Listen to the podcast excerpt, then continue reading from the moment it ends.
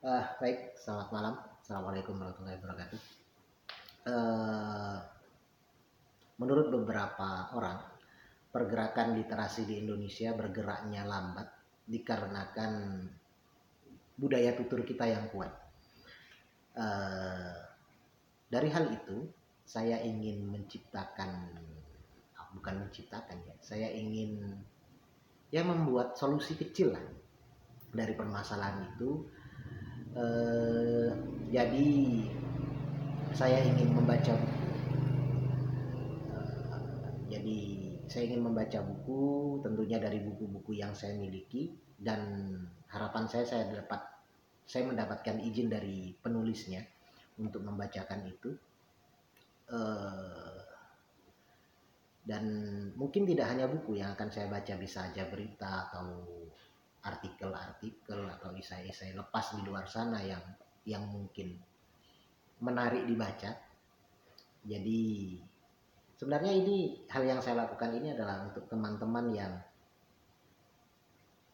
uh, apa kemampuan membacanya tidak begitu baik tapi memiliki kemampuan mendengar yang cukup baik. Uh, ya harapannya ini bisa menjadi solusi dan sebenarnya hal ini sudah lama sekali ingin saya lakukan sudah beberapa tahun yang lalu hal ini ingin saya ingin saya lakukan. Cuman karena kesibukan kesibukan ya kesibukan yang tidak menghasilkan apa-apa. Dan ya alhamdulillah berkat corona kita semua memiliki banyak waktu luang. Dan kali ini saya ingin membaca buku kumpulan cerpen. Aku ingin meniup balon karya Aik Vela.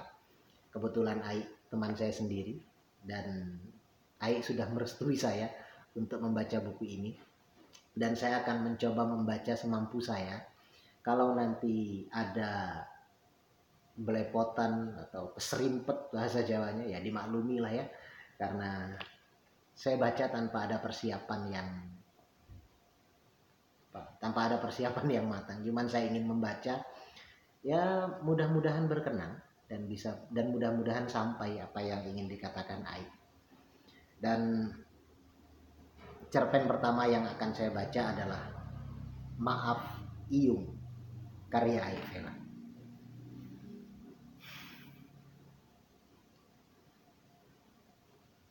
Aku kehilangan harapan ketika Iyung pergi tanpa aku sadari. Rabu Pon, tanggal 2 bulan ke-11 2005. Tepat ketika aku dan semua saudaraku terlelap dalam ayunan ayat suci Al-Quran sepanjang malam menuju seperempatnya. Tepat ketika aku menghela napas panjang setelah menyaksikan jiwa nenekku yang berontak pada kematian setiap kali detik itu menggema dalam benakku, saat itu pula hatiku meredup, seketika menjadi abu-abu dan menggigit. Aku menyesal. Aku menyesal karena mengacuhkan Iyung. Aku menyesal karena selalu membantah nasihatnya Aku menyesal karena tidak bisa melayaninya waktu stroke. Ketun iku mesti ono ing buri. Sungguh diriku tidak akan sekuat ini sebelum melalui penyesalan itu.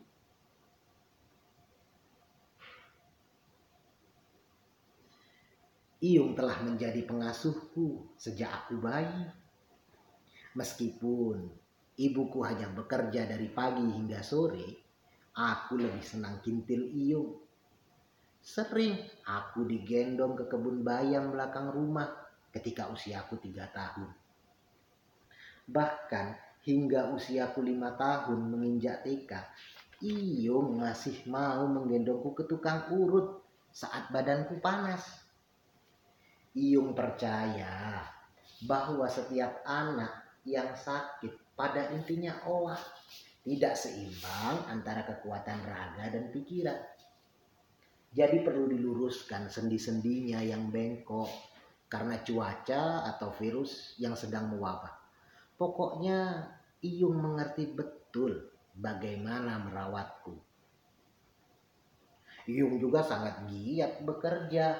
Setiap hari Selasa dan Kamis berjualan kembang di pasar besar Madiun. Kadang sayur-sayuran seperti daun bayam, ketela pohon, kangkung, Iyung jual sebagai tambahan jika sedang sepi pembeli kembang. Aku selalu menitipkan pesanan jajan pada Iyung. Kembang jambu yo yo, karo manggis. Iyalah. Dan Iyung tidak pernah mengingkari janjinya. Iyung bawakan kembang jambu satu bungkus plastik kresek ukuran sedang manggis satu kilo, dan kerupuk lempeng sebagai bonusnya. Jika, jika dagangan tidak begitu laku, Iyung akan mengajakku ke Mbok Jami, penjual jamu, untuk membelikanku jamu untuk kesukaanku. Setidaknya sebagai ganti jika Iyung pulang dengan tangan kosong. Namun,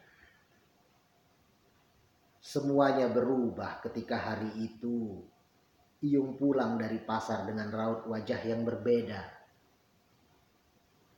Tubuhnya lunglai. Karena selama tiga hari berada di pasar. Mengejar pembeli yang ramai menjelang maulid Nabi. Tidak seperti biasa Iyung begitu pucat. Iyung tidak mau banyak bicara ia hanya berbaring dan diam. Aku mencoba mendekat, tapi Iyung masih diam. Kecemasanku mulai timbul. Kupanggil ayah dan ibu serta kakekku yang sedang di kebun. Semua merubung dan Iyung tiba-tiba pingsan. Setelah hari itu semuanya berubah. Iyung ternyata mengidap darah tinggi Iyung dilarang pergi ke pasar lagi. Hanya di rumah dan dilarang bekerja berat. Tapi Iyung tidak bergeming. Setiap pagi Iyung jalan-jalan kecil di jalan RT rumah. Tidak ingin dianggap sakit, tidak mau dikasihani. Iyung selalu minta berobat setiap kali badannya merasa tidak enak. Iyung selalu minta diperhatikan seperti anak kecil. Jika kemauannya tidak dituruti, Iyung akan menangis itu membuatku tidak nyaman. Aku nggak bisa ngantar, kek. Aku ada les matematika. Nunggu ibu pulang kerja saja. Yo, tanah aku nyusah noai. Jaluk nang Pak Mantri ya ora oleh. Katanya sambil menangis ketika aku menolak permintaannya ke dokter. Walah Yung, tunggu sebentar kan bisa. Aku ada lomba matematika antar SMP sekecamatan besok. Aku pergi dan meninggalkannya begitu saja. Aku kesal menghadapi perilaku Iyung. Semakin lama Iyung semakin cerewet. Apalagi ketika Iyung mulai lumpuh dan tidak bisa bergerak tanpa bantuan kakekku. Kadang bicara ngelantur kalau aku tidak kalau aku tidak tepat tindakan.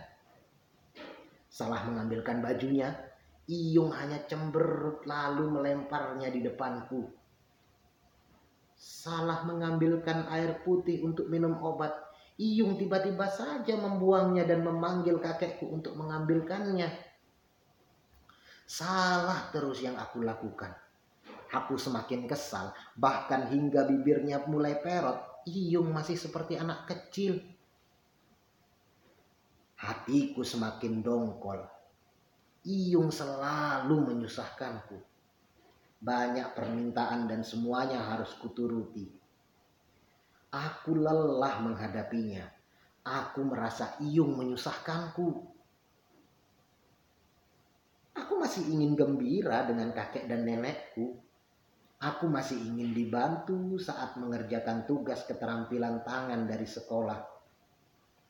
Aku tidak ingin menjadi sedih. Lalu teman-temanku bertanya, ini itu kepadaku. Dan aku benci menceritakannya.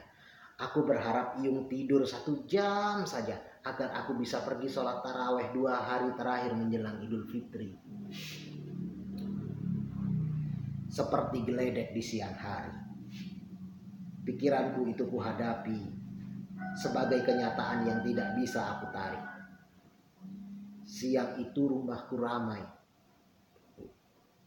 Kakek, ayah, ibu, paman, bibi, sepupu, dan beberapa tetangga samping rumahku berkumpul di ruang tamu, tempat nenekku berbaring seperti biasa. Aku menggaruk kepala, tak mengerti. Tiba-tiba ibu menarik tanganku untuk masuk ke dalam rumah. Ayolah, melebu.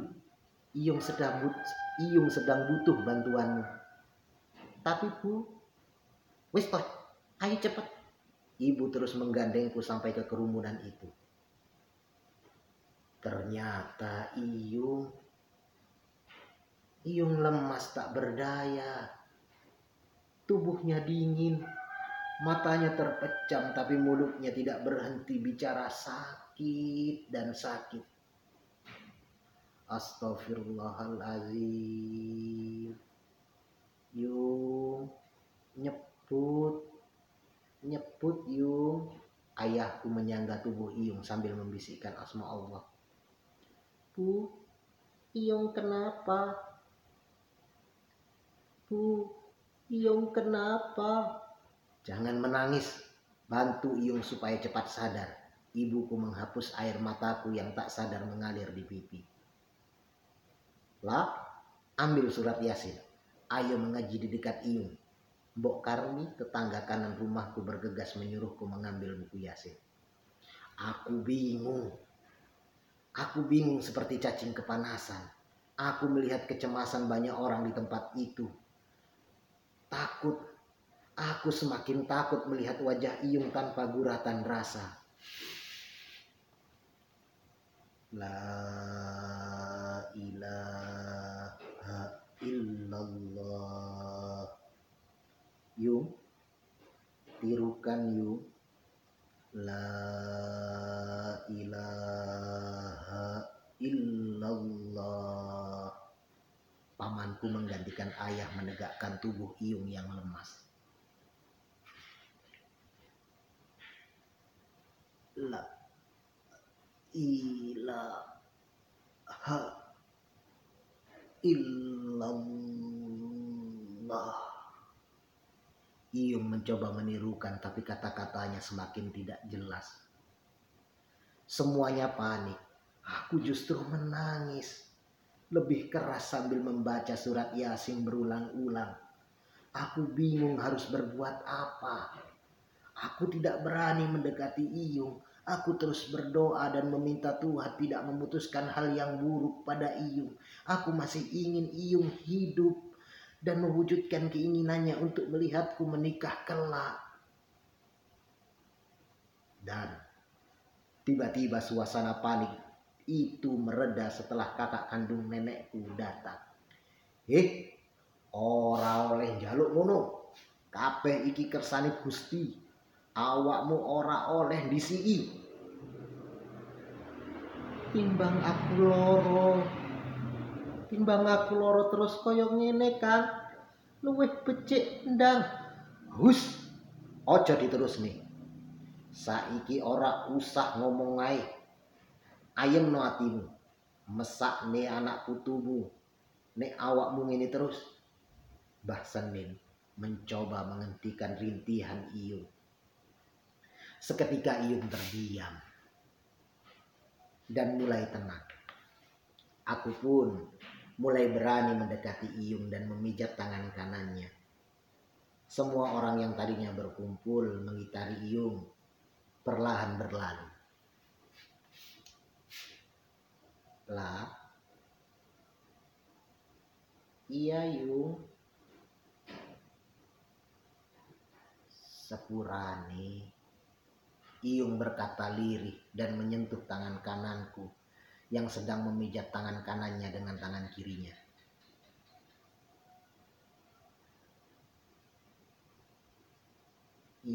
Iya Yung, aku kebingungan menjawabnya.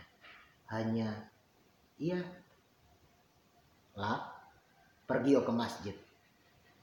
Pergi ke masjid Pak Selamat nanti malam suruh beberapa santri ke sini untuk mendoakan Iyung. Kata ayahku lirih di dekat telingaku. Koyo aku harap mati ay dia sini. Orang usah tolak Iyung yang mendengar kata-kata ayahku itu. Tapi Yung, orang usah aku emoh Iyung menolak kembali. Pun Iyung manut saja. Lah, ayah memandangku dengan seolah memberi tanda agar aku tetap menuruti perintah ayahku itu. Lah, aku emoh. Aku tidak akan mati hari ini. Aku masih ingin melihatmu menikah. Opa awakmu teko. Iyung memohon padaku dan aku tak kuasa menolak. Lalu aku mengangguk. Ayahku menyuruh membiarkan Iyung beristirahat dengan kutemani. Aku bingung harus berbuat apa. Aku begitu kasihan melihat Iyung. Aku takut Iyung lebih parah jika aku melakukan perintah ayah yang tidak disukai Iyung. Tapi waktu benar-benar mendesakku untuk segera berbuat dengan memejamkan mata aku mengambil keputusan untuk tidak untuk tidak melaksanakannya. Namun aku tidak berani bilang pada ayah. Bahkan aku berbohong pada ayah telah melaksanakan perintahnya menemui Pak Selamat. Padahal aku malah bersembunyi di rumah tetanggaku ketika saatnya sholat taraweh. Lah, nengen di gue. Ayah berteriak memanggilku dari depan pintu setelah selesai sholat taraweh. Aku sangat takut. Tapi aku tidak bisa lari ke mana-mana. Katanya tadi kue sudah ke rumah Pak Selamat. Tapi tadi di masjid Pak Selamat bilang kamu tidak ke rumahnya sama sekali. Nyapa kue bohong? Aku tidak berani menjawab. Aku takut. Aku hanya diam dan mataku berkaca-kaca. Hah, ya wis. Untung Pak Selamat dan santri-santri mau didada. Sudah sana, bantu ibumu buat minum. Ayah mencoba mensabar untuk menyuruhku. Aku tidak berani menatap Iyung. Iyung pasti kecewa padaku karena aku tidak menepati permohonannya. Aku takut apa yang ditakuti Iyung menjadi kenyataan. Sekitar 15 santri berbondong-bondong memasuki ruang tamu rumah. Mereka duduk bersila dan memandang ke arah Iyung yang sedang berbaring tak berdaya. Mereka membaca surat Al-Fatihah dan surat-surat pendek. Iyung terdiam dan tidak merasa marah atas tindakan ayah. Kemudian para santri membaca surat Yasin bersama-sama. Semuanya khusyuk berdoa dan aku yang berada di balik pintu ruang tamu ikut berdoa, berharap agar Iyung diberi kesembuhan saat itu pula. Kulihat Iyung tertidur pulas. Pukul tiga pagi, saat semua bangun untuk sahur pada puasa terakhir menjelang takdir besok.